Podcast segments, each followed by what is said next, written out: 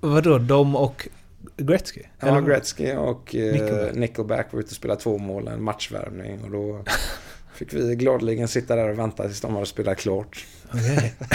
Det var lite udda. ja. Eh, Det är liksom... Eh, säg, säg något om NHL, tänker jag. Ja, ibland händer lite roliga saker. Och vilken jävla liksom... eh, Jag vet inte. Win för Nickelback som Ja. fick spela med Wayne. Exakt. Absolut inte tvärtom. Men någon, eh, snart är eh, råttet mogat alltså. Persson! Lägger på blå för loppen, kommer skjuta, fintar skott, spelar pucken höger istället, Davidsson skjuter, man lever över returen! Skottläge kommer där! Kan jag få låna micken? I mål! Missar! Hur skjuter karln? Hur skjuter han? Jag kan bara säga att det där är inget skott faktiskt Lasse. Det där är någonting annat. Det där är liksom, han skickar på den där pucken så jag nästan tycker synd om pucken. Den grinar när han drar till den. Utan Fröbo var målvakt! Kan jag få låna micken? Kolla! Poff! Men allvarligt talat Leif Boork, du håller på med hockey i 600 år! Kan jag få låna micken?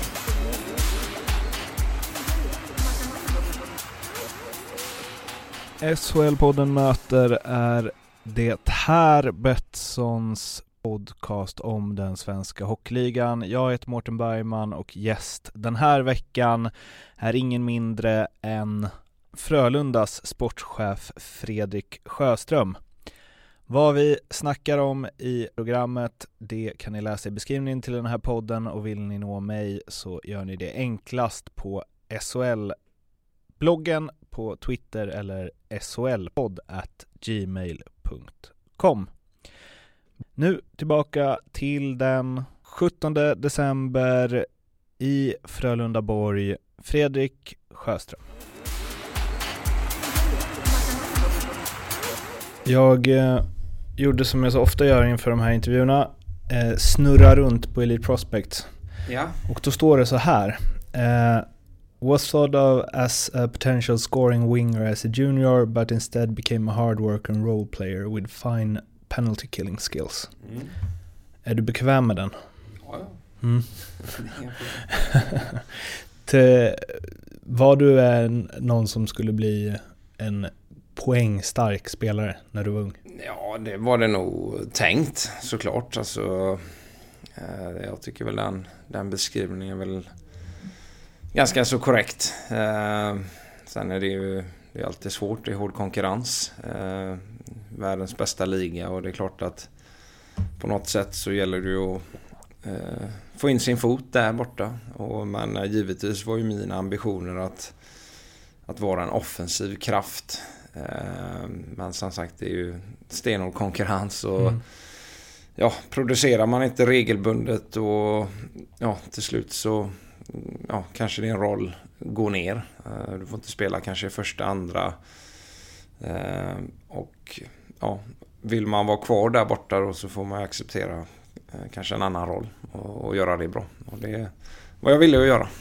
Jag kommer, kommer ihåg Victor Mårtensson som väl är mest känd för han gjorde några säsonger i Leksand och ganska Mm. många i Västerås.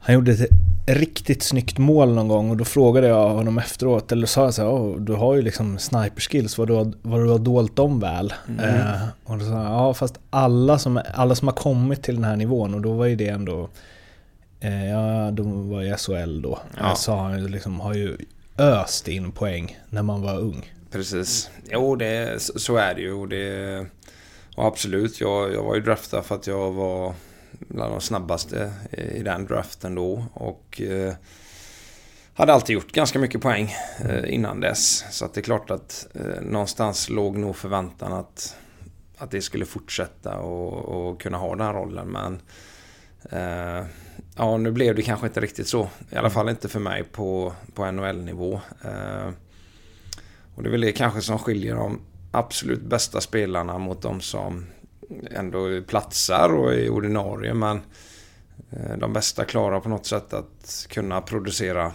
eh, dag ut och dag in. eh, Och göra det regelbundet. Det, där, där skiljer det mycket.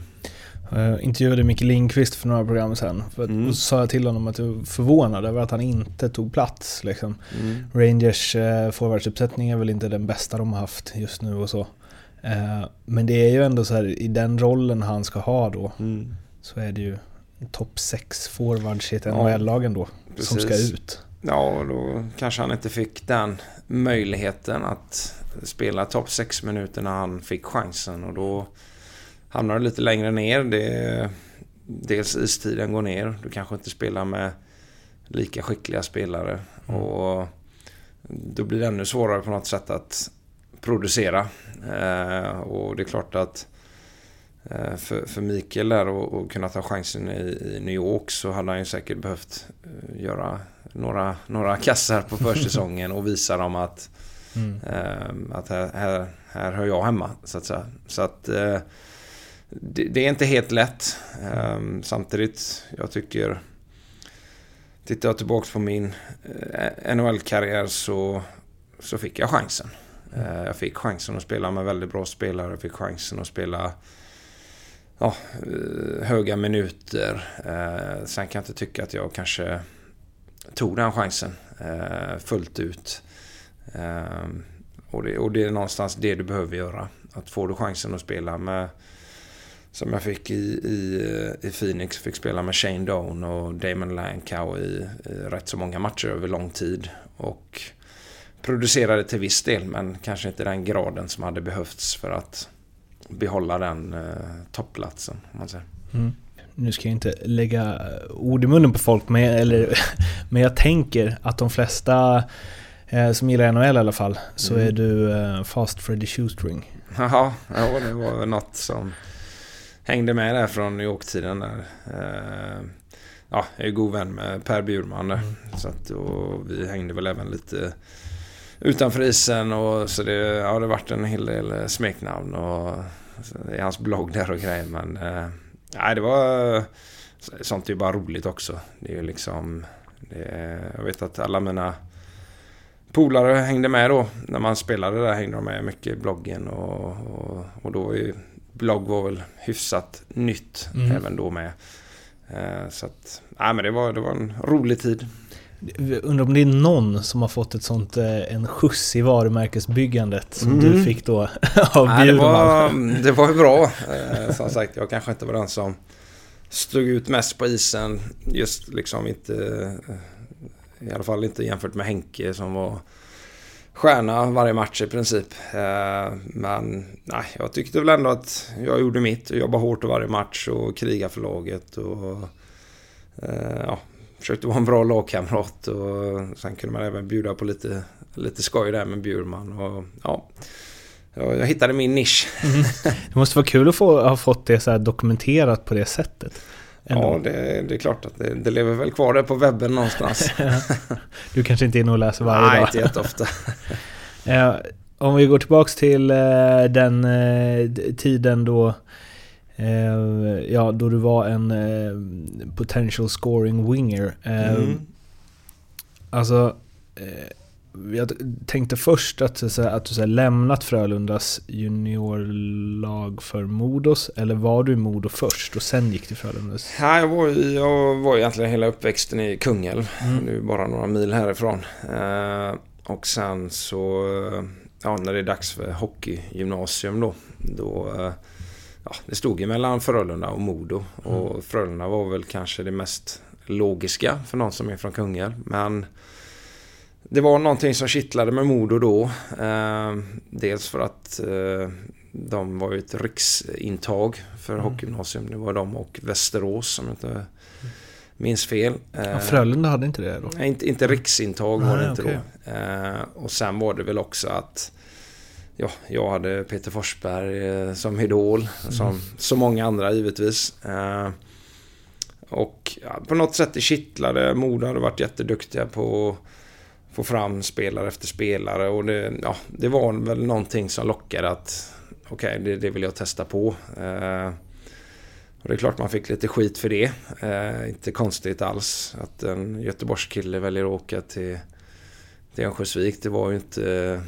Det var kanske inte det som folk förväntade sig. Men eh, jag stod på mig i det valet och jag, jag kan inte säga att jag ångrar det på det sättet utan Ehm, jag var grymt taggad för att åka upp till Modo och liksom vara där i, flera år. Ehm, nu blev det inte riktigt så. Jag var hemma ganska snabbt igen. Ehm, Ehm, Varför då? hockeyn gick ändå helt okej okay, tyckte jag i början.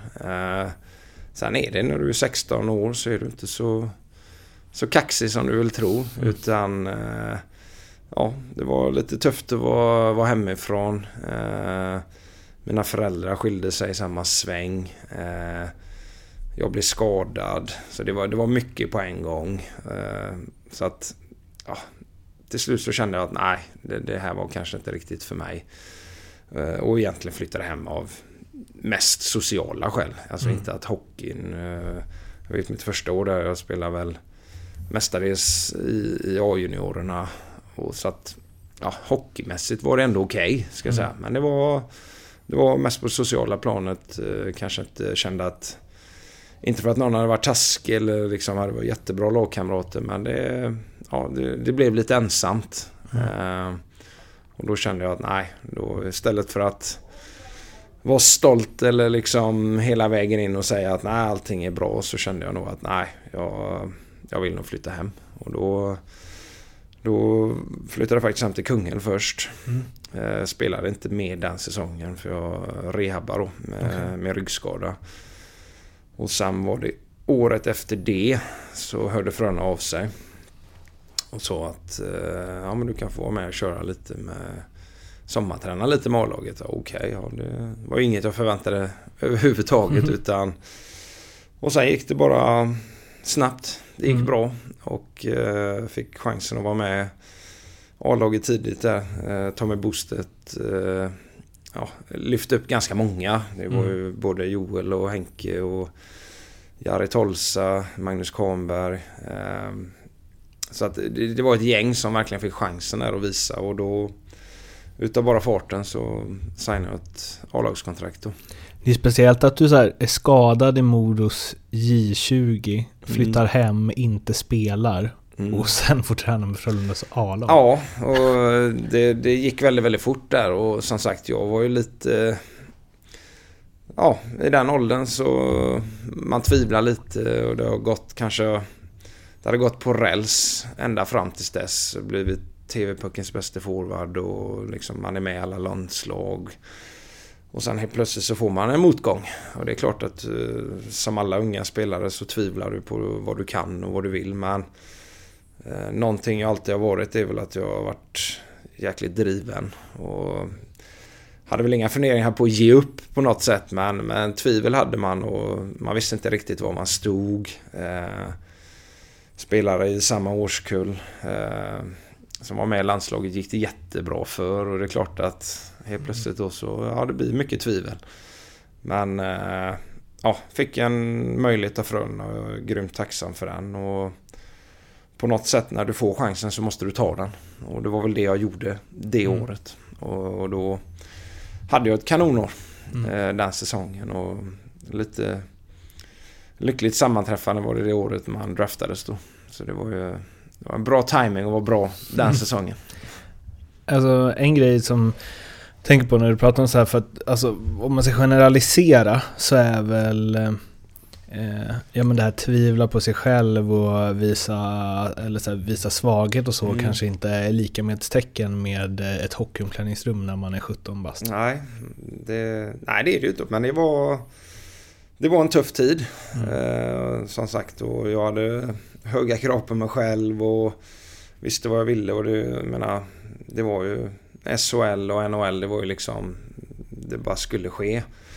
Eh, men samtidigt så, så kommer det ju några motgångar på vägen, det gör ju det. Mm. Eh, och sen är det väl lite hur man klarar av att hantera dem. Och det som alltid varit för mig i unga dagar är att ja, jag skulle bara spela NHL. Det var, jag hade alltid drömt om det och det fanns liksom ingen annat, något annat på kartan. Mm. Men som sagt, det, det var tufft där ett tag och man får jobba med sina egna, så att säga, inom situationstecken demoner och, mm. och liksom.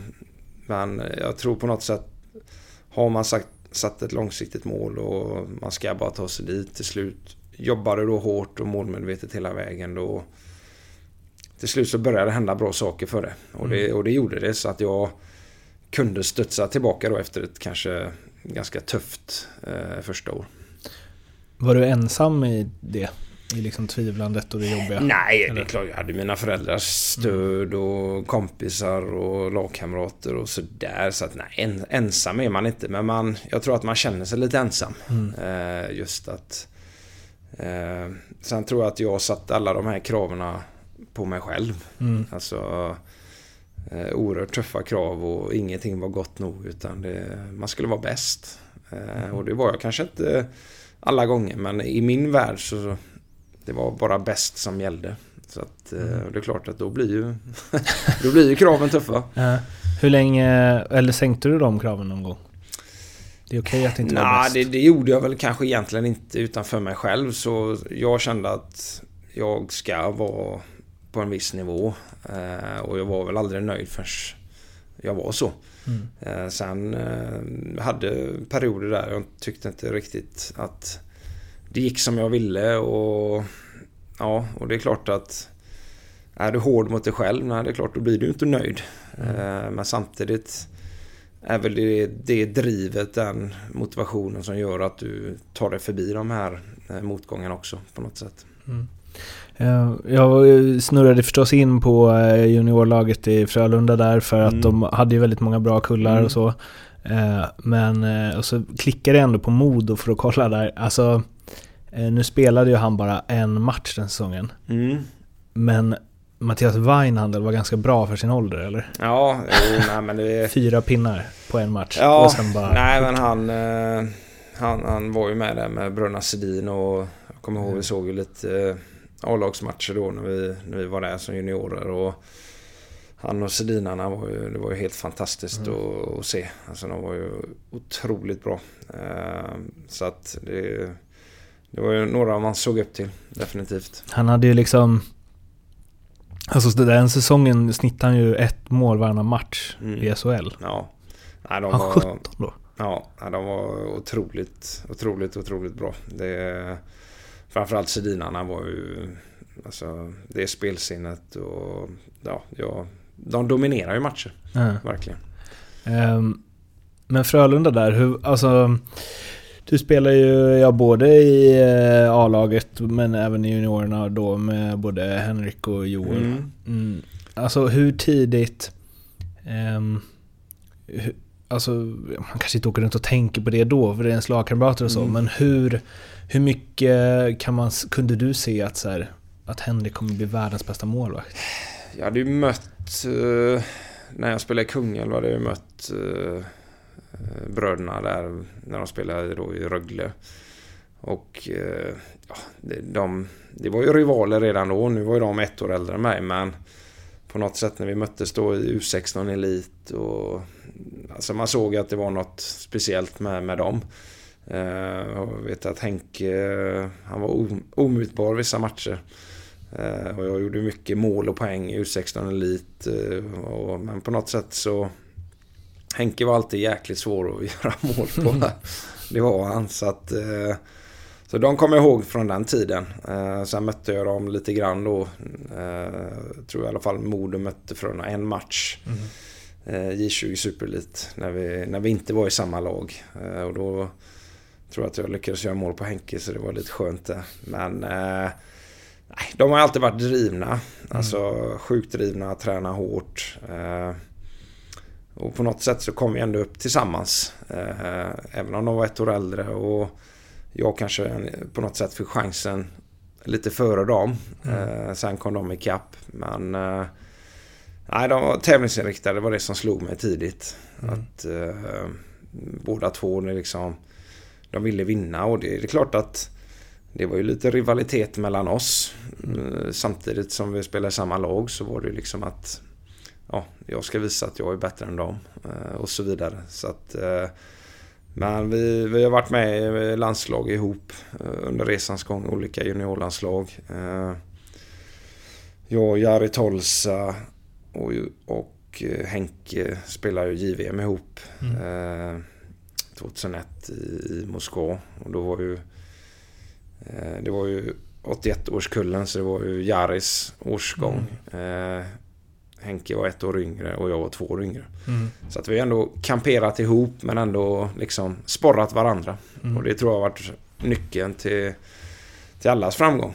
Eh, Jari var ju hur bra som helst här i många år i, i dragkedjan. Mm. Eh, och, och gjorde det fantastiskt bra ska vi komma ihåg. Eh, och sen eh, Henke har ju som sagt blivit en, en världsspelare. Mm. Så att, eh, men jag tror att alla de här åren när vi har kämpat ihop men även på något sätt samtidigt kämpat mot varandra. Det har gjort att eh, alla har fått väldigt fina karriärer.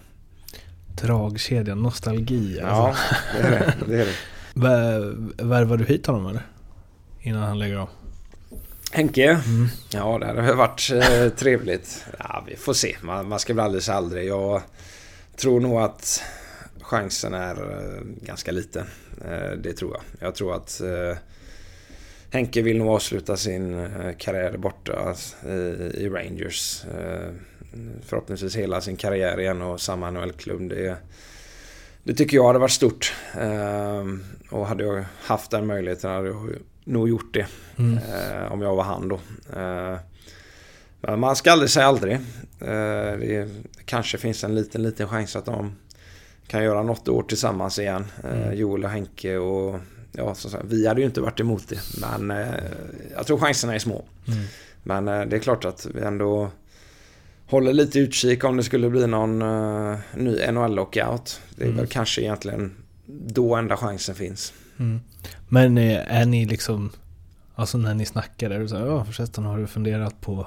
Jo, ja, absolut. Jag menar, vi träffas ju lite grann på somrarna och sådär. Och, och vi är polare så, så att eh, någon gång kan jag väl eh, fråga han med glimten i ögat. Men eh, ja, jag tror att det är mer, skulle, skulle Henrik vilja det, då, då, då, då kommer vi lyssna. Mm. Men jag tror inte att jag kommer liksom ligga på han och ringa han och liksom Mm. terrorisera han. Utan skulle han vilja det, då tror jag, då är dörren öppen.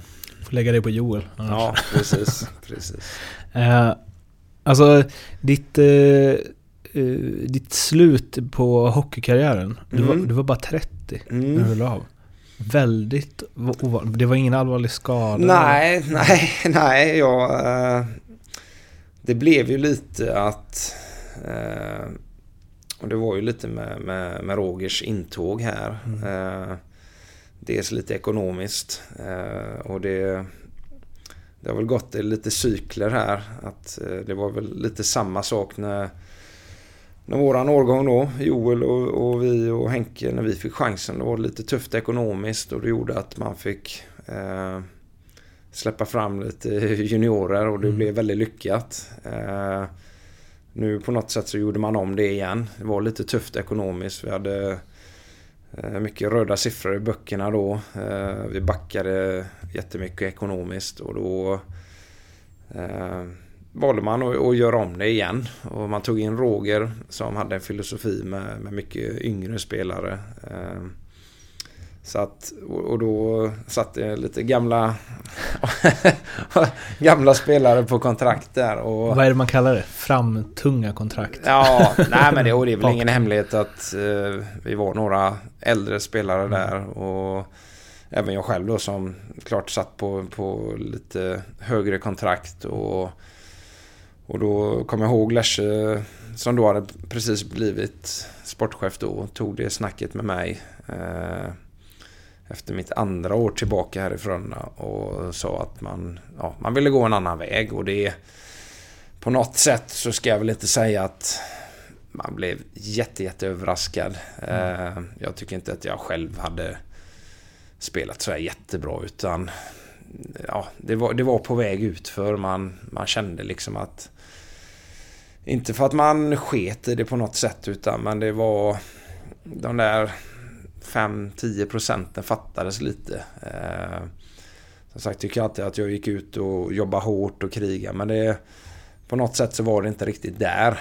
Eh, Så att jag var ju definitivt inte nöjd med mitt spel. Eh, Så att, och då kom jag ihåg att då tog jag snacket att okej, okay, du kommer inte bli kvar. Nej. Och det är klart att det är alltid tungt att höra. Samtidigt någonstans bak i huvudet så har man det på känn att det kan hända. Och, så det, det tycker jag inte var något konstigt. Jag tycker det mötet som Lash hade med mig var, det var rakt på sak och det var inget det var liksom ingen bullshit utan eh, det, det, det, får man ta. Det är så hockeyvärlden fungerar. Men samtidigt kom väl då en känsla, okej, okay, det blir inget mer i Frölunda. Vad, vad ska man göra då?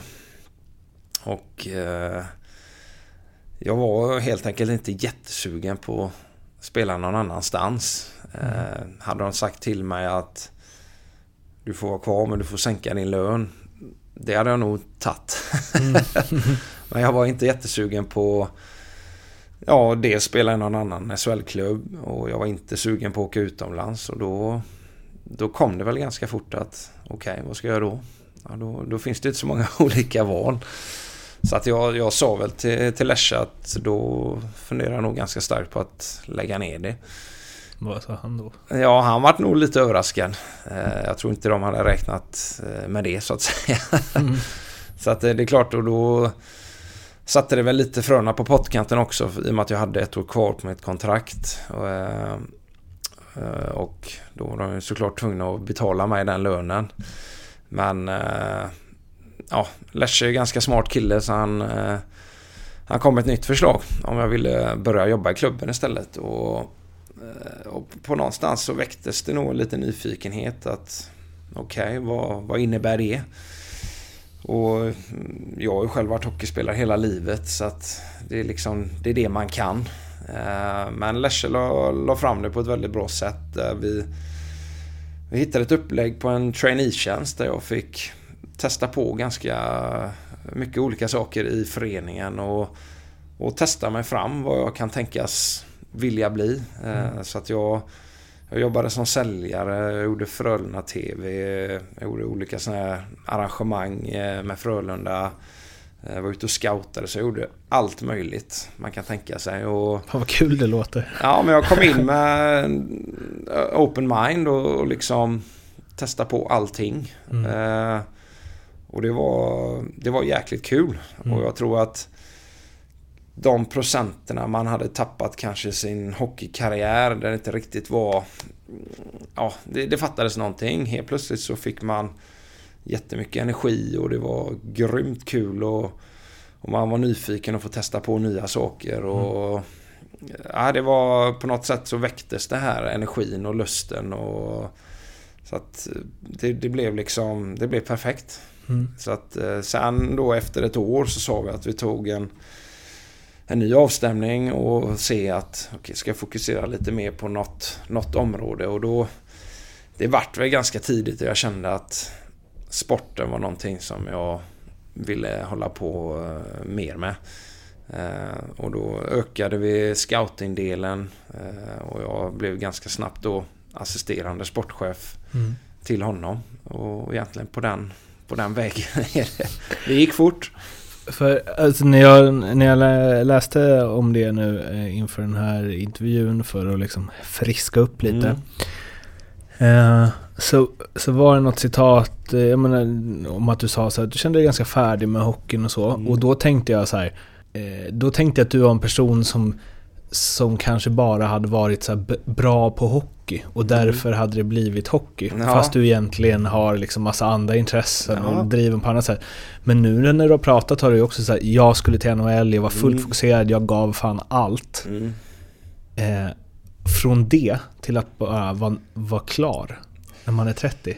Ja, ja, ja det, det, är ju det är alltid ett svårt beslut att ta. Att liksom hockeyn som har varit eh, hela ditt liv på något mm. sätt. Alltså, jag var ju manisk som ung. Alltså, man har stått på skjutit, eh, spelat landhockey och skjutit på garagedörren hemma och liksom det har varit en stora, stora dröm liksom. Det, och på något sätt så tar det slut. Det, det blir overkligt. Eh, och det, men jag, jag kände nog redan de sista åren i NHL och även om åren jag var hemma att ja, du vet att det börjar gå mot sitt slut. Men jag tror att man, man känner det. Alltså det är en känsla som man, man kan inte lura sig själv på något sätt. Eh, så att man visste att den dagen den börjar komma snabbare och snabbare. Så att på något sätt så är du förvarnad, du vet att den kommer. Sen när det väl tar slut och, och du tar det slutgiltiga beslutet så känns det jäkligt konstigt. Eh, och jag vet att den, den sommaren efter, det är klart att mycket funderingar. Vad ska man göra? Ska man eh, ja, sätta sig i skolbänken igen? Ska man ringa någon polare och fråga om de har något jobb? Eh, ja, det, var, det, var, det var lite surrealistiskt. Eh, och det är klart att pratat med många gamla NHL-spelare som har ja, dels haft det ganska tufft efter karriären när det tar slut. Att, för man vet inte riktigt vad det är man ska göra. Så att jag tror att det var en fördel för mig att slängas in i det ganska fort igen. Mm. Att okej, okay, jag fick sommaren ledigt om man säger, gick hemma. Men sen direkt in och börja jobba. Jag, jag, tror att det var Det var nog det bästa jag kunde göra. För att gå hemma och fundera och liksom Även om du då kanske tjänar pengar ett helt år. Men bara gå hemma och driva omkring. Det, jag kände snabbt att det var nog inte det som var det bästa utan snabbt in, börja jobba, sätta tänderna i något nytt och då på något, på något sätt så kom energin och hungern och allt det som jag kanske då bara något år innan eller två hade saknat. Just helt plötsligt så kom den här motivationen och drivkraften som man hade som tog sig till NHL mm. som spelare. Mm. Då kom ju den direkt. Det var som att ja, du bara fyllde på batterierna med energi och så att eh, ja, det var nog det bästa jag kunde ha gjort. Och bara slänga mig in i det. För men, eh, den åldern, det är väl då man ska vara, ja, kanske inte riktigt som, som bäst. Jo men, ja, men så här 28 ja. till 32 liksom. Ja. Och du är 30 och eh, någonstans här levde den drömmen mm. som du alltid hade haft liksom. Vad var det som hände när Alltså, för jag tycker det är superfascinerande. Ja, Vad var det som hände när du inte ville spela hockey? Jag tror så här att man, man har... Man kanske har en 6, 7 eller 8 år på din topp. Där du är som bäst i din karriär. Och jag tror att jag har nog alltid varit ganska tidig. Alltså mm tidig, man ska säga sån här pojkstjärna. Eh, var bra i unga år, 14-15, TV-pucken. Pojklandslag, juniorlandslag. Eh, förhållandevis tidigt upp i NHL som 20-åring. Jag tror egentligen att vissa har sina bästa år i karriären kanske 25 till 35. Eh, mina bästa år kanske var eh, 18 till 26. Jag tror att det är mer så. Och att, tror att jag la så mycket energi och så mycket drivkraft och, eh, i tidig ålder. Och sen på något sätt så tar det kanske lite slut. Eh, att allt är då gjort och allt är... Jag hade ändå uppnått det jag ville uppnå. Eh, min stora dröm var... Jag vet att jag har massa gamla skolböcker hemma där jag har skrivit när jag gick i tredje klass eller vad det nu kan vara att NHL det, det är där jag ska vara och det är min stora dröm. Eh, och det nådde jag och på något sätt när du kanske når dina mål Det är klart att du ska hitta nya mål. Mm. Men jag tror att på något sätt så Man nådde det man alltid ville nå. Och, och sen okej okay, då Då är ju det borta på mm. något sätt. Så att, eh, men du ska hitta nya mål och drivkraft och Eh, jag vill ju alltid, alltid vinna och det är väl det jag kanske saknar mest från NHL-tiden. Att, att man inte fick vara i ett mästarlag och, och få vinna någonting. Det, det är väl det man kanske fattas då. Mm. Så jag, jag, tycker de, de roligaste åren jag hade det var i New York när vi var ett slutspelslag. Eh, ja, vi åkte ut i första rundan ett år. Vi gick till andra rundan ett år man insåg hur svårt det är att vinna en Stanley Cup. Alltså det är ju otroligt svårt. Men det, det, är väl det jag kan säga att jag saknar. Att man inte fick vara med i ett lag som kanske gick hela vägen. Eh, men inser hur svårt det var samtidigt. Har du någon gång ångrat att du la Nej, det, jag, jag, jag, som sagt, jag var inne på det lite tidigare här i podden att man kan inte lura sig själv utan eh, min motivation för att spela, min drivkraft för att spela, den var, den var på väg att ta slut. Eh, och jag tror du kan inte lura dig själv. Utan jag var väl alltid professionell. Jag tränade alltid hårt och var alltid vältränad. Eh, och det var någonting jag alltid sa till mig själv att eh, hockeykarriären ska i alla fall inte falla på att jag inte gjorde rätt för mig. Mm. Alltså på, de, på den fronten så att mm. säga. Men ja, just, just mentalt att ja, det, det, det fattades några procent. Och nej, jag, jag, kan absolut säga att jag, jag ångrar inte att jag la av när jag la av. Eh, det, det gör jag inte. Vad fick du till Fröl eller Färjestad? Jag gifte mig den sommaren. Eh, och jag stod utan kontrakt. Jag var free agent. Och eh, min agent Peter Werner höll på att förhandla med, med ett NHL-lag. Montreal. Och det fanns väl en liten chans. Och ja, jag tänkte Montreal, det var, väl, det var ju ett ganska dåligt mm. bud då med, med NHL-mått mätt. Eh, men jag ville väl ha ett envägskontrakt. För jag hade varit liksom ordinarie i de åren jag var där borta och kände ändå att nej, men ett envägskontrakt det vill jag ha. Och Montreal var väl på gränsen och, och beredda att ge det. Det var lite förhandlingar fram och tillbaka. Eh, men av någon anledning så det rann ut i sanden och då det var ganska sent. Det var juli på gränsen till augusti. Och eh, ja, då fanns det inte så många andra jobb kvar. Många nhl var villiga att ge mig eh, tvåvägskontrakt. Eh, det var de flesta. Liksom, eller komma på en tryout. Kände inte riktigt för det heller. Och då, ja, vad, vad har jag för val då? Man kollar av Rysslandssvängen. Kändes aldrig riktigt sådär mm. intressant. Eh, då skulle pengarna fått vara väldigt, väldigt bra i så fall. Mm. Eh, Schweiz var jag väl lite någon... Det var inte aktuellt för jag var inte riktigt den spelartypen. De vill oftast ha lite mer...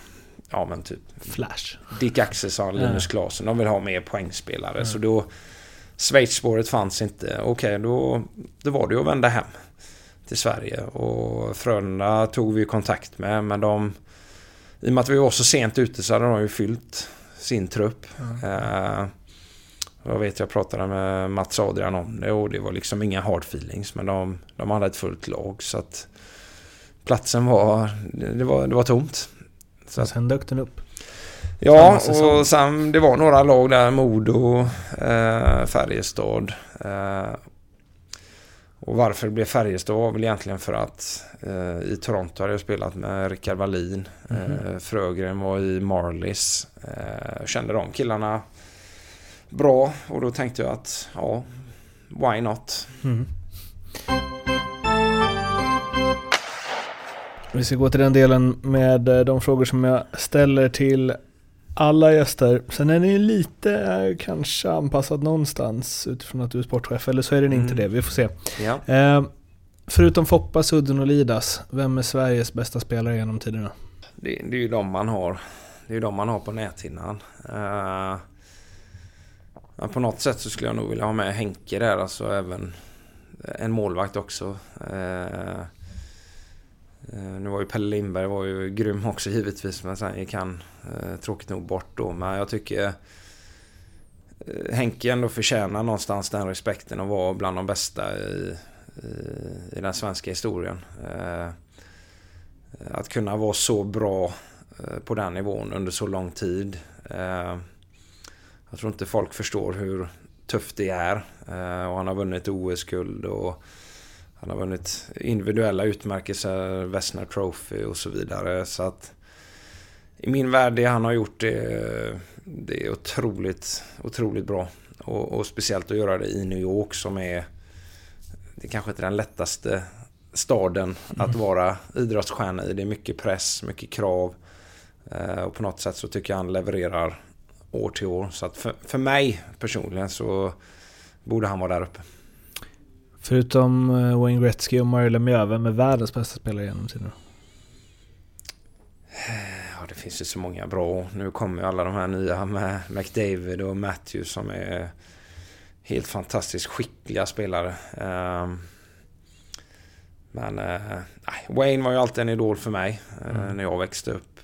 Men även Foppa var något speciellt. Jag tycker att äh, han var både skicklig, han var stentuff. Alltså bland de tuffaste spelarna jag spelat med och mött. Eh, och den skickligheten, var, för mig var ju Foppa liksom, det är en personlig favorit. När eh, du var som bäst, uh, om det hade funnits en tidsmaskin då mm. och du hade åkt tillbaka till 1990, mm. tror du att du hade spelat i första femman i alla NHL-lag då? Jag tror faktiskt, för jag var inte sådär, jag hade väl inget, vad ska man säga, något jättebra spelsinne eh, på det sättet. Utan jag var... Mina styrkor låg ju i en, i en bra skridskoåkning. Eh, bra skott och så vidare. Men jag tror att... Jag hade kanske gynnats av eh, att det var lite långsammare spel om jag själv var snabb. Så att jag tror att... Eh, Svaret alltså och jag hade ja. inga problem med det fysiska spelet. Det gillade jag. Jag gillade att det smällde på. Så att... Jag hade nog kunnat tänka mig den, den gamla hockeyn med lite mer eh, hakningar och... Mm. Eh, jag tror det passade mig för jag kom ändå upp i den... När det var de gamla reglerna. Mm. Då var ju det min första säsong i NHL. Mm. Och då var det ju... Alltså... Det var, det var ju mer... Eh, Snålskjuts. Ja men det var mer hakningar. Det var mer eh, clutch and grab och... Alla var ju stora. Alltså... Känns som alla vägde 100 kilo och var 1,90. Det var, det var en helt annan hockey. Och sen på, ja, på, på en sekund så ändrade de det. De ändrade reglerna. Så mm. att min andra NHL-säsong så var det ju det var en helt annan hockey. Mm. Men jag tror att den, den gamla hockeyn passade mig bättre. Mm. Så Jaromir Jagr, Mario Lemieux, Fredrik Sjöström i samma kedja? Ja, nej, jag tror, jag tror, inte att jag hade varit så, så högt. Det tror jag inte. Nej, men eh. det hade kanske, den typen av hockeyn kanske hade passat mig bättre. Om du får tänka helt fritt, vilken regeländring, hur galen den än må vara, hade du velat testa inom hockeyn? Det, det är det enda, det enda som är väl nu att eh, spelet är ju... Alltså på något sätt så är ju spelet otroligt bra idag. Det, det tycker vi alla att de man tog bort hakningarna och så vidare och interference och sånt här. Att, men, men ett problem är att det går ju så fort där ute idag. Eh, och vi har alla de här skadorna som händer. Eh, jag tror inte att vi kommer kunna bromsa upp hastigheten i spelet utan alla, alla blir skickliga, allting blir snabbare. Men på något sätt det jag tycker är lite tråkigt är att det fysiska spelet håller på att försvinna mer eller mindre. Eh, vi var över förra säsongen och såg på en, eh, lite NHL-matcher. Eh, och jag tycker att det, det, det är inte så likt. Alltså det är knappt några tacklingar i NHL längre heller. Alltså mm. det är väldigt lite fysiskt spel. Och det är ändå på något sätt det är det man själv har växt upp med. Don Cherrys Rock'em Sock'em. Man har sett de här highlights-filmerna när det är tuffa tacklingar. Men det är schysst spel. Man, men det, det håller på att försvinna lite. Så att, ja, ska det vara någon regeländring det är kanske att Red Line Offside ska tillbaka. Ehm, jag vet inte, men det är, jag tycker det är tråkigt att, att det, det fysiska sidan av spelet håller på att dö ut lite grann. Mm. Att det går så fort så att folk liksom inte riktigt hinner med. Mm. Uh, och det blir allvarliga skador med hjärnskakningar och det vill ju ingen se. Men uh, tappar vi det, den fysiska aspekten av, av hockeyn så tror jag att då, då tappar vi liksom lite hockeyns DNA, tycker jag. Det är intressant här också, nu har inte han riktigt råkat ut för det men Eh, men Conor McDavid liksom, mm. man bara väntar ju på att han ska få sin första huvudsmäll. Liksom. Ja, det, det är ju risken är att det sker men eh, samtidigt han har så... Han har ju spelsinne Han har ju ett ganska högt hockey-IQ så han hänger ju med, han hinner med att se så att Känns som man har ögonen i nacken men... Eh, alltså, en annan har ju växt upp med och, och, och tittade på Colorado Detroit slutspelserier. Jag menar det var ju... Alltså, Livet. Ja men det var ju hockeygodis. Ja. Det var ju fullständigt krig. Två mm. lag som hatade varandra och då Claude Lemieux på ena sidan. Då, Chris Draper. Ja, Darren McCarty. Mm. Alltså, för mig är ju det hockey när den är som absolut bäst. Och det är ju inte att, att det inte var någon skicklig hockey för de är ju otroligt skickliga. med Iserman och Federer. Mm. Grymt skickliga. Men det var, det var en nivå på det fysiska spelet när det var alltså... Det var ju blodvite var och varannat byte. Eh, och det kan jag tycka att jag saknar lite i dagens hockey. Det, det är inte på samma nivå. Det är väl det som gör det så att man gillar Foppa så mycket. Att ja. han kunde ha liksom de lenaste handlederna ja. Mitt i allt det där. Ja, liksom. och det är på något sätt det, det är hockeyn som som jag växte upp med och det är mm. det man liksom det är det man tycker var wow. Mm. Uh, och så ser det ju inte riktigt ut idag om man ska vara ärlig utan det är ju det är, det är lite gruff här och där men det, det, det, är inte riktigt samma. Och man jag tycker hockeyn ska vara rädd om, om de här känslorna i spelet. Att det är något vi måste behålla på något sätt. Sen mm. vad är lösningen? Ja, jag vet inte riktigt. Det känns ju fel att ta tillbaka kanske då redline eller ta tillbaka hakningar för att sakta ner spelet. Men ja, det, det går så fort idag så att killarna hinner nästan inte med att tackla. Mm. Utan eh, alla backcheckar, alla forecheckar och på något sätt så är det nästan viktigare att behålla farten än att sätta in en tackling. Mm. Så att, eh, och sätta press över hela banan. Så att det, det, det är ett väldigt eh, annorlunda spel.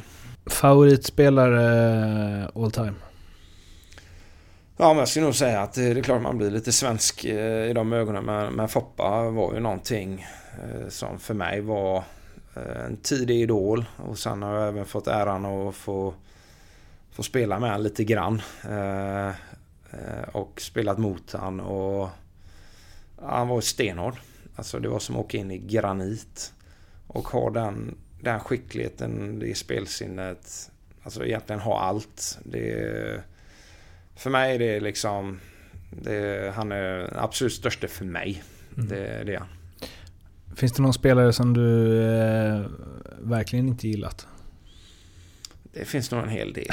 Men eh, jag tycker alla, alla spelare man har mött, alltså även sådana här som man verkligen har liksom hatat man har mött dem. Och sen kanske man helt plötsligt så har det blivit någon trade som har spelat med den killen i samma lag några år senare. Eh, de flesta spelarna är otroligt bra killar. Eh, och det är ju deras jobb någonstans att att vara tuffa och jobbiga på isen. Det är ju deras roll. Så att, eh, men även de här som har varit de värsta man har mött och man har varit förbannad på. Det är bra killar utanför isen. Det, så att, ja, jag kan inte säga att det finns inte sådär jättemånga rötägg. Eh, mm. Någon enstaka kanske man har sprungit på men de flesta är grymma killar. Men om vi bara håller oss till isen där? Vem är den du gillat minst? vet faktiskt inte om det dyker upp någon sådär utan... Eh, det finns tuffa spelare, jobbigare, jobbiga spelare som man har, man har mött men... Eh, jag, jag kan inte säga någon enstaka att han... Det är en värdelös kille, det kan jag inte säga. Har du spelat både med och mot Sean Avery eller? Uh, ja, det har jag gjort. Uh, mötte Sean Avery när han var i Detroit uh, och Dallas Spelade med han i New York. Och nej, jag, som sagt, jag, jag, tycker att han var, han var bra för oss faktiskt. Uh, rätt så underskattad hockeyspelare. Han var, mm, han var bra på isen. Sen höll han på med mycket grejer och ibland då kan man väl tycka att det här tog över lite att han mm. skulle vara så himla mycket i ansiktet på motståndarna och hålla på med, ja, med spex och grejer. att det var väl nästan så att man tyckte att vad fasen fokusera på isdelen för att du är grym. Mm. Och han vann många matcher för oss och han retade gallfeber på motståndarna så att jag skulle säga att han var en jäkligt bra hockeyspelare. Mm. Eh, sen var han ju underhållande liksom sådär men det är klart att vissa matcher tog det över och att han försökte hålla på med för mycket grejer och då kanske inte alltid lönade sig. Jag har alltid undrat så här, ni så här stanna på isen men liksom eh, jag har alltid undrat vad, hur man kan reta upp som folk så mycket ja. som han gjorde ibland. Ja, nej, vad kan man säga som gör att... Eller så är ja, hockeyspelare rätt, ja, lättretliga. Det, nej, det, det, jag tror att alla har ju någon viss form av... Man har ju ett påslag till en match och man mm. är uppe i varv och det är klart att... Du, du ligger ju liksom närmare den gränsen när det slår över när du är mm. på en hockeybana såklart. Eh, sen har det väl alltid så är det väl idag. Det är lite på tapeten just nu men det är klart att det har varit eh, lite skitsnack på isen men inte, inte så att det har varit eh, att, eh, så farligt. Men det är klart att eh, lite över gränsen har vi varit ibland men jag tror att det är ingen Inget som jag känner, inget man tar åt sig av personligheten utan Mm. det, man gör ju lite det för att ägga igång något och komma under skinnet på någon och gör lite, lite tjuvsmällar, lite fula tricks här och där men det är på något sätt så tycker jag det, det hör till. Vilket eller vilka lag klappar ditt hjärta lite extra för? Nej, givetvis så följer jag ju de lagen jag har varit i, i där borta. Eh, försöker hänga med lite hur det går för New York och för Phoenix och liksom lite grann Toronto och Calgary. Eh, New York känner jag väl kanske lite starkare för. Eh, tyckte att jag, det var två fantastiska år jag hade där. Eh, och så följer jag lite hur det går för Henke givetvis. Eh, så att eh, men det är inte så att jag följer dem slaviskt på något sätt utan eh, det är ju på något sätt så är det Frölunda som gäller. Det är, det är nummer ett över något annat. Finns det några lag som du verkligen inte gillar? Nej, inte på det sättet. Det, det, kan jag inte säga. Sen är det väl... eh, Ja, möter Rangers, Islanders eller något så vet man. Kommer man ihåg de dusterna man hade med dem eller om det var New Jersey och så vidare. Så att... eh, Men eh, nej, jag ska väl inte dra någon illvilja direkt. Tror du skulle säga 13 klubbar i SHL? Ja, ja nej. Eh, den bästa spelaren du spelat med och då inte utifrån så här största namnet eller vem som blev bäst eller så utan som du där och då har varit mest imponerad av? Ja, alltså... Vi hade ju väldigt många bra namn i, i, i Phoenix. Jag menar Jeremy Roenick, Brett Hull. Alltså... Och spelar du med dem? Eh, sen var väl de lite på slutet av sina karriärer och var inte kanske riktigt så. De var inte sina prime eh, när, när jag spelade med dem. Men det var en upplevelse att, att ha spelat med dem. Eh, sen tycker jag eh, sån som Jaromir Jagr i New York var ju alltså otroligt skicklig spelare alltså. Eh, samt, han kanske inte heller var i sitt absoluta prime då men han var ändå han var riktigt, riktigt bra. Och den, den storleken som han har eh, och skickligheten är ju... Sådana hockeyspelare kommer ju inte riktigt idag längre.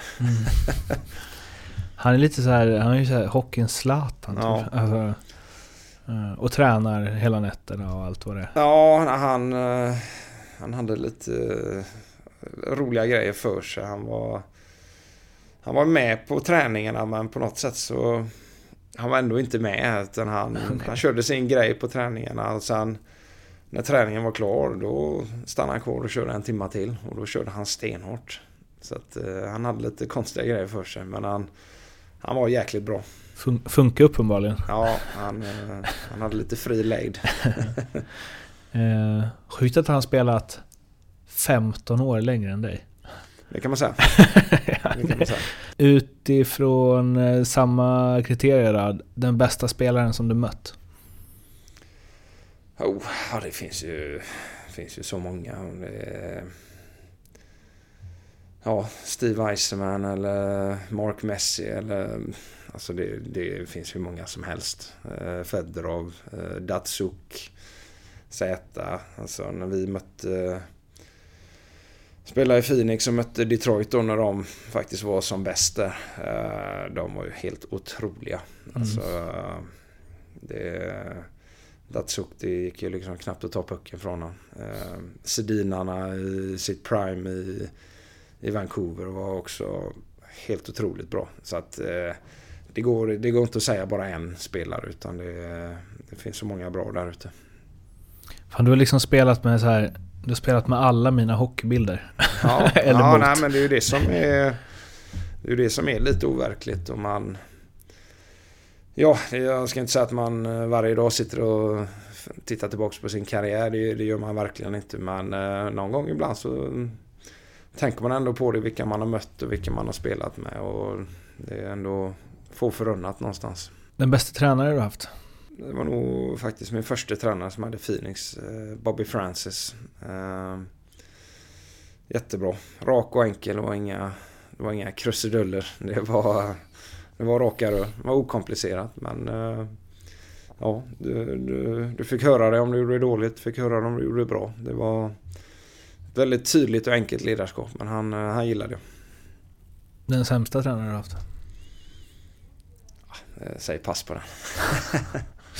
Eh, den bästa lagkamrat du har haft utifrån, eh, det behöver liksom inte vara din bästa kompis, utan hur du tycker att man ska vara i ett omklädningsrum i ett lag. Eh, sån som Shane Doan som vi hade som kapten i, i Phoenix. Han var en bättre människa än honom kan du väl liksom inte hitta. Alltså vältränad som få. Eh, jobbar alltid hårt varje dag. Eh, det blir lite klyschigt men eh, kommer till jobbet varje dag men oerhört sympatisk människa. Eh, ställde alltid upp för sina lagkamrater i vått och torrt och det gick alltid i bräschen. Så att för mig är han eh, som en kapten ska vara. Eh, kanske att han var nästan lite för snäll egentligen. Men eh, eh, stenhård och tog en fight för, för lagkamrater och var en grym hockeyspelare. Så att han, eh, han, han var ett bra föredöme. Han var kvar hela karriären. Ja, Mm. jajamän. Har du blivit starstruck inom hockey någon gång? Jo, det är klart att man har blivit det. Alltså, det är bara att... Som man säger, man hade, fick ha förmånen att ha Wayne Gretzky som tränare i tre år. Det är klart att första gången man liksom lyssnade på han så det är Mm. klart att ja, det är ändå Wayne Gretzky. Det är världens bästa spelare någonsin. Så att, självklart är det så. Sen eh, vänjer man sig vid det, eh, vid det då Mm. och kunna ha han som tränare. Så att, eh, men självklart har man blivit det. Var Micke Tellqvist tror jag som berättade att när han fick första samtalet från Phoenix att de ville ha honom så var Mm. det ju Gretzky som ringde. Ja, Och att han bara eh, vad, vad är det som händer nu? ja. Pratar jag med Wayne Gretzky? Ja, nej, det blir ju lite så. Sen är han en vanlig människa som alla andra också givetvis när man eh, lär känna honom. Men eh, på något sätt i början där var det lite, eh, ja det var lite häftigt. Det är inte så att man så här jag kan tänka mig att man inte bara nej jag tycker att vi ska göra så här istället. Till Nej, honom. nej det är bara att nicka och göra som man säger. Eh, vilken atlet från någon annan idrott är du mest imponerad av? Eh, ja, jag hade ju Lance Armstrong kanske då innan. innan alla dopningsgrejer. Men han var ju var någon man följde där och var grymt imponerad. Men det är kanske inte riktigt på samma sätt idag. Men eh, min absolut största idol eh, var Michael Jordan. Mm. Eh, som eh, läste alla hans böcker, sett alla hans eh, highlights-filmer och som sagt var min, min farsa var basketspelare så att Mm. på något sätt har jag alltid gillat basket också och MJ är ju, ja han är basketens svar på, på Wayne så att eh, han är fortfarande en idol. Var du och kollade Nix mycket? Eller? Ja, jag var faktiskt och kollade ett, ett gäng matcher där och som sagt vi såg eh, LeBron eh, när Ah. han spelade för Cleveland där i unga dagar och Kobe Bryant när de kom med Lakers. Så att, eh, ja, på något sätt har jag alltid gillat basket. Tycker det är, det är, det är mycket show. Mm. Alltså det är lite annat än hockey med så men det är, den atletismen de har den är, den är, den är sjuk. Det var man säga. Hade man, eh, vad heter det? Cour- Courtside seats? Som, Ja, vi lyckades faktiskt få det. Eh, någon match där Mm. eh, fick vi sitta på courtside och Ja, det visar bara vilken klass eh, Rangers organisation har. Att de kunde fixa det, för jag såg det och frågade om jag kunde få ett par biljetter till en match då i och med att min farsa gammal basketspelare och Mm. det var kul att kunna ta han på en, på en NBA-match. Eh, och då, då löste de faktiskt eh, courtside tickets. Och tror de mötte Chicago Bulls och då fick Mhm. vi sitta bredvid eh, Yannick Noah, Mm. eh, gamla Mm. tennislegenden i och med att hans son Så, spelade ja. i Bulls där. Så det, det var en eh, häftig upplevelse, det kan jag säga. De det måste vara coolt att sitta så nära. De är så jävla stora. Alltså. Ja, de är sjukt stora och ja, de, har, de har lite skön swagger. De garvar lite och kör high fives Ja. mitt under matchen. Det är, jag vet, det finns Ja, det ingen annan sport som nej, är så. det är en, det är en väl, väldigt annorlunda känsla på en basketmatch om du jämför med en hockeymatch. Ja. Eh, ja, det, är, det är mycket show, men det var, ja, det var riktigt coolt att se. Vilken egenskap som hockeyspelare var din bästa? ska vi säga... Åkningen självklart. Alltså det var ju på något sätt det som tog mig till SHL och NHL. Att jag var en duktig skridskoåkare. Sen eh, kanske en kombination med att jag jobbade hårt. Alltså drivkraften. Eh, jag hade nog aldrig eh, nått NHL om det inte vore för det. För jag var nog inte den absolut egentligen skickligaste rent tekniskt. Det var jag inte. Jag kommer ihåg att jag spelade med Jocke Lindström i Modo då, eh, i hockeygym. Och hans klubb, klubbteknik var jag inte ens i närheten av utan men eh, anledningen till att jag kunde mäta mig med en sån som Jocke var väl att jag hade en vilja och en drivkraft som var eh, ja, det var något jag kunde förlita mig på. Att eh, gav mig aldrig på något sätt. Om du hade under din karriär fått ta en egenskap från en annan spelare och addera till dig själv. Vilken egenskap från vilken spelare? Ja, det, är, det är ju spelsinnet. Och jag tror att det är någonstans det som återigen skiljer lite. De, de absolut bästa spelarna om du ser på Connor McDavid, Elias Pettersson. Alltså de har ett, de har ett hockey-IQ. Eh, som, alltså det, det är sån skillnad. De hinner se. För dem går det i slow motion. exakt. Eh, De hinner se passningsvägar, eh, åkvägar som vi andra vanliga dödliga, vi hinner inte med att se. Alltså det blir som att om man jämför, de, de kan se allt i vidvinkel. Och en annan känns som man hade en, liksom en kon för, för ansiktet och ser ut i ett litet hål. Och det är ändå... Det, det tror jag är den största skillnaden. Mm. Eh, De blir inte stressade med puck. För att de behöver, de behöver inte titta ner på pucken utan de, de, de ser det liksom som det, som det är. Mm. Ungefär som när en annan ser match från läktaren. Då ser det jätteenkelt ut. Mm.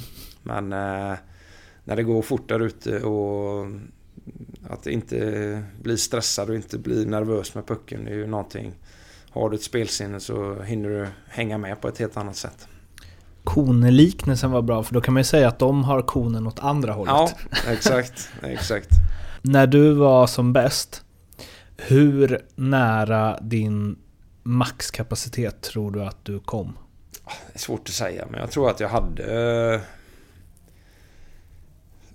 Man, man, hade, man har nog ett flertal tillfällen man gör liksom sådana här riktigt, riktigt bra matcher när, när allting stämmer. Och när jag gjorde de matcherna så tror jag att jag var på en ganska hög nivå. Absolut. Eh, inte på något sätt någon världselit eller något sånt, men eh, som sagt, eh, jag har ändå gjort några bra matcher i NHL där man har ja, varit på en väldigt, väldigt hög nivå. Eh, Som sagt, eh, svårigheten är att kunna upprepa det och göra om det.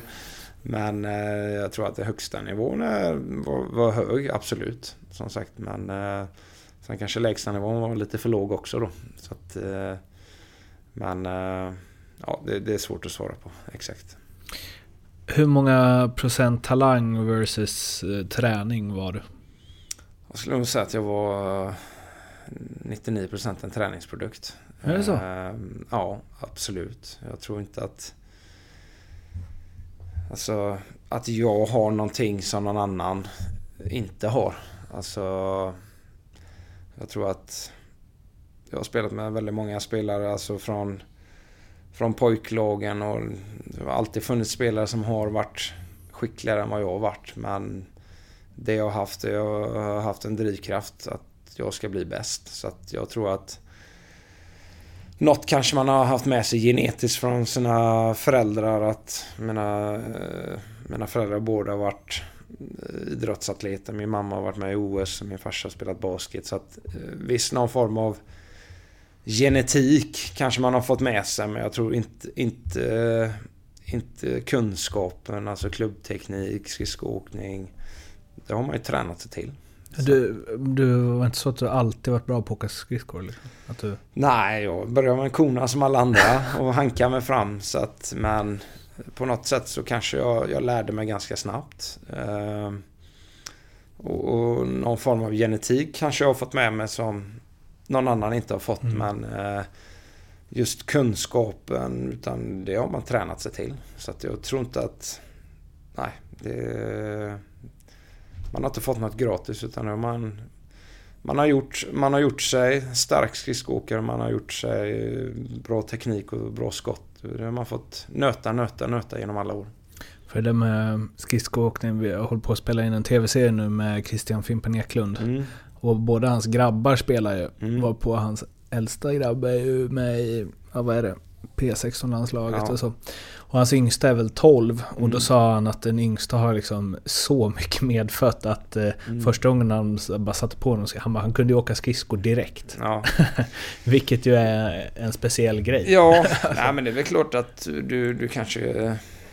Vissa har ett glid i åkningen, vissa mm. har det inte. Och det är klart att vissa saker kanske du får med dig på något konstigt sätt. Men ja, hade jag inte tränat så som jag gjort i unga dagar så hade jag aldrig kommit till SHL eller NHL. Mm.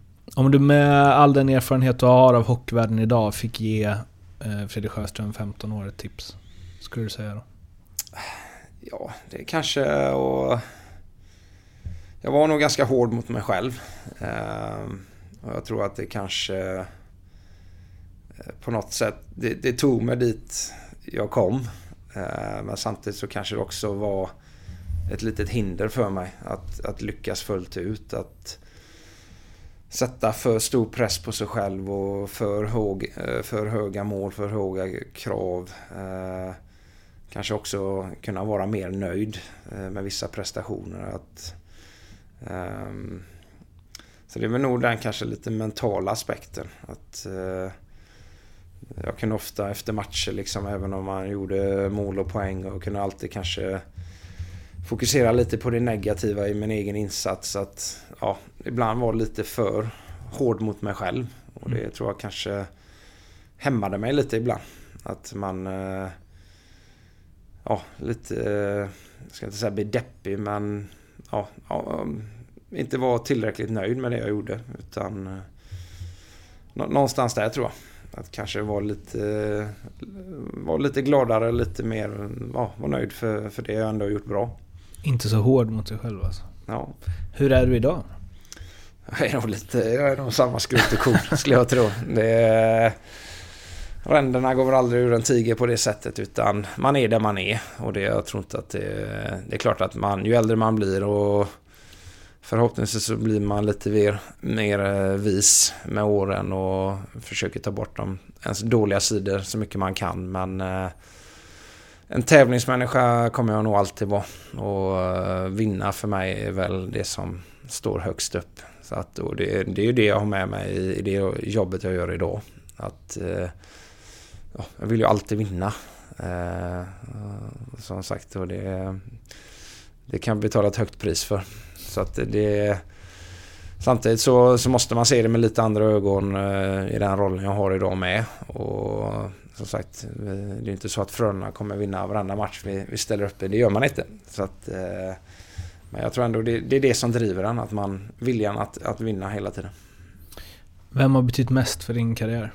Oh, det, det, det är en ganska svår fråga. Eh, många säger väl säkert sina föräldrar och, och så vidare men och, och, deras stöd har jag ju alltid haft eh, självklart men eh, på något sätt så man, man har satt sina egna mål och sina egna drömmar och eh, men, så att, det, det är svårt att veta. Jag kan inte säga att det är någon enstaka person, någon enstaka coach. Det finns så många många personer längs vägen som har eh, liksom lett den i rätt riktning och vid rätt tidpunkt. Så att det, det är ju... skulle man liksom göra ett tacktal och tacka alla de människorna så är ju säkert ens föräldrar, ens gamla ungdomstränare och någon coach borta i NHL och någon coach i SHL. Så att jag tror inte att det är en person utan det, det är många personer som sagt. Som du uppfattar det, vad är den största allmänna missuppfattningen bland folk om hur livet som professionell hockeyspelare är? Det är väl att att det kanske att det är jätteglamoröst. Ehm, och det är det väl till en viss del. Ehm, fina omklädningsrum, flyger egna plan, fina hotell och, och ja, det, det, är det. Men det är också en det är en vardag där det är ett, eh, ett jobb. Eh, ett väldigt bra jobb ska tilläggas men eh, det är väl det tror jag inte folk kanske förstår att du lever med en press dag ut och dag in. Och om du, om du inte är en stjärna kanske men du är en ordinarie spelare och, och du känner dig aldrig riktigt säker. Du kan bli bortbytt, du kan bli nedskickad i farmen och jag tror att det, det tror jag inte folk förstår. Den här dagliga pressen att idag måste jag vara bra, idag måste jag prestera varje dag. Eh, den, den pressen kan vara tuff att eh, leva med. Om du skulle få samla alla Sveriges eh, hockeyjournalister och de har druckit någon magisk dryck som gör att de bara tar in, embracear och tar med sig det du säger i sitt fortsatta arbete. Vad säger du då? har ingen aning. Nej, det vet jag faktiskt inte. Jag tror du skulle ha massor här ja, från Bjurman-hängen. Ja, nej. Alltså det är väl alltså... Man, man vet ju hur hockeyvärlden fungerar och som sagt och ibland så... Ja, alltså det är ju...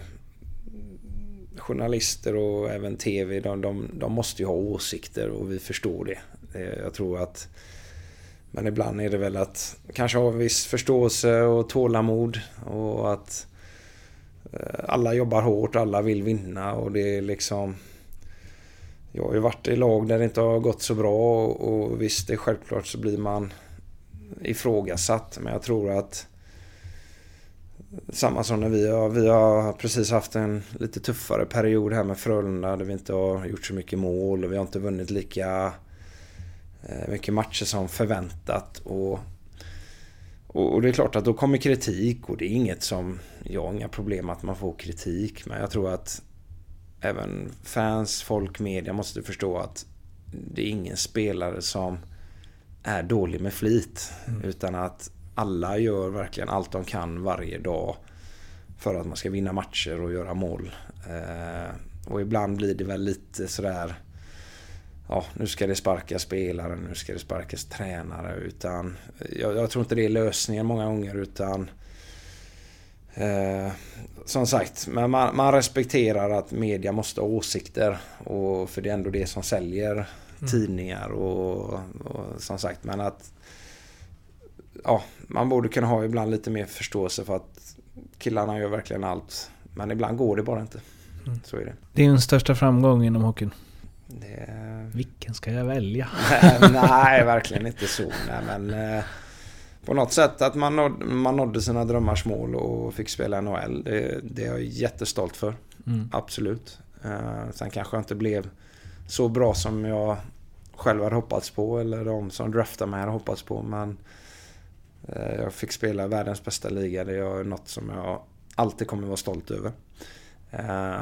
Sen som, som ledare det är väl att, att få vinna någonting.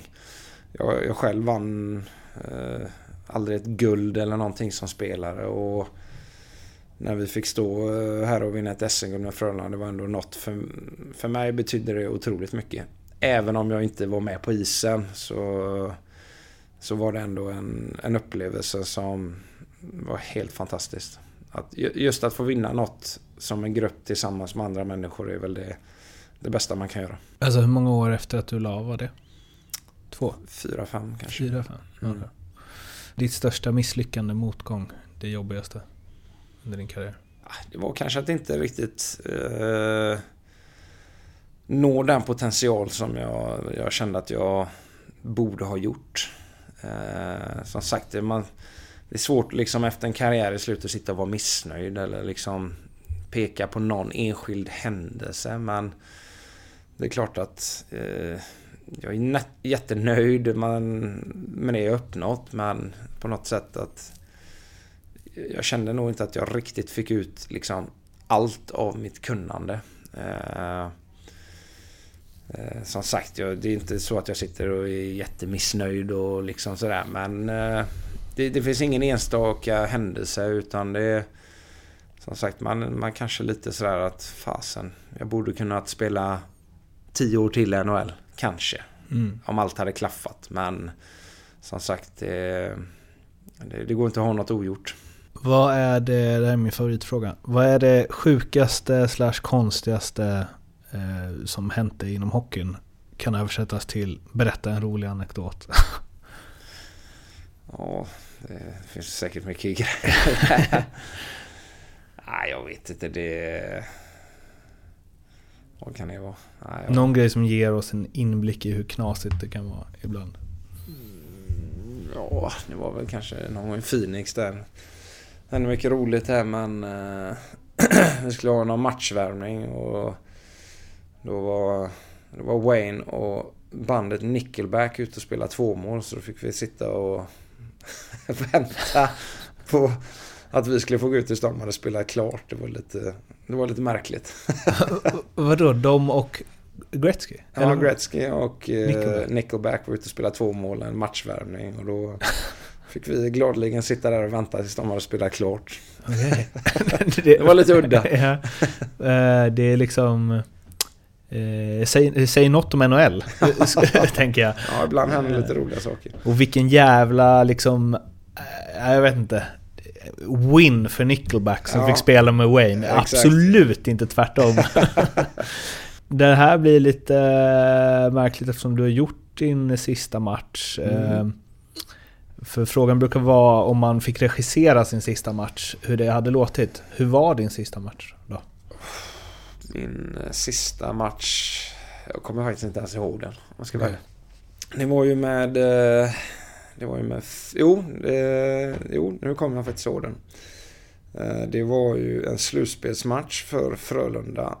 Eh, Och det var väl kvartsfinal 1 mot Luleå. Och eh, första perioden så gick jag ner och eh, blockade ett skott. Och eh, bröt fingret, eller krossade mitt finger. Och eh, det var det, var färdigspelat i det slutspelet för mig. Mm. Och det var, det var det sista. Så att... Eh, Det är inte ut med ett bang direkt. nej, verkligen inte. Eller ja, i och för sig. nej, det var det ju inte. Utan man, samtidigt, ja, man gjorde det man skulle göra för laget och blocka ett skott och det är väl på något sätt det kan man ta med sig att man, man gjorde, offrade sig för laget och gjorde allt för att vinna. Och, men det, det är klart att det blev lite snöpligt. Men lite karaktäristiskt Ja, avslut. det, det tar jag med mig i alla fall. Ja. Eh, slutligen, vilken eh, spelare, ledare eh, inom SHL tycker du att jag borde intervjua i den här podden?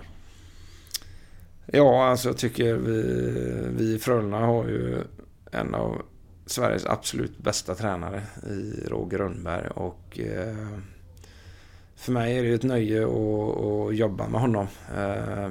En, en mer driven människa tror jag aldrig jag har mött. Eh, som vill vinna till varje pris och aldrig, aldrig, aldrig, aldrig ger sig förrän liksom han står längst där uppe på toppen och vilka utmaningar eh, det än finns så tar han sig an alla och försöker hitta lösningar och göra allt eh, bättre. Så att eh, för mig är det på något sätt en ynnest att, att jobba med honom och jag, och jag lär mig saker av han varje dag. Så att eh, jag hoppas även att jag kan lära honom någonting. Alltså, jag har ju en spelarkarriär och eh, jag tror ändå att vi komplementerar varandra på ett bra sätt. Eh, all den eh, kunskapen han kan och allt det ledarskapet han har. Eh, samtidigt har jag något annat. Jag har en annan bakgrund än en spelarkarriär och har en annan vinkel och, och, och ett sätt att se på det som kanske han inte har. Så att, eh, men eh, drivnare människa än honom tror jag inte det finns. Då kan du, om jag bokar upp honom så kan jag dra ett sms så får du chans. Kan, kan jag ställa de frågor du aldrig har, har vågat ställa? Precis, precis. Eh, Du Fredrik, tusen tack för att du ville vara med. Ja, tack själv.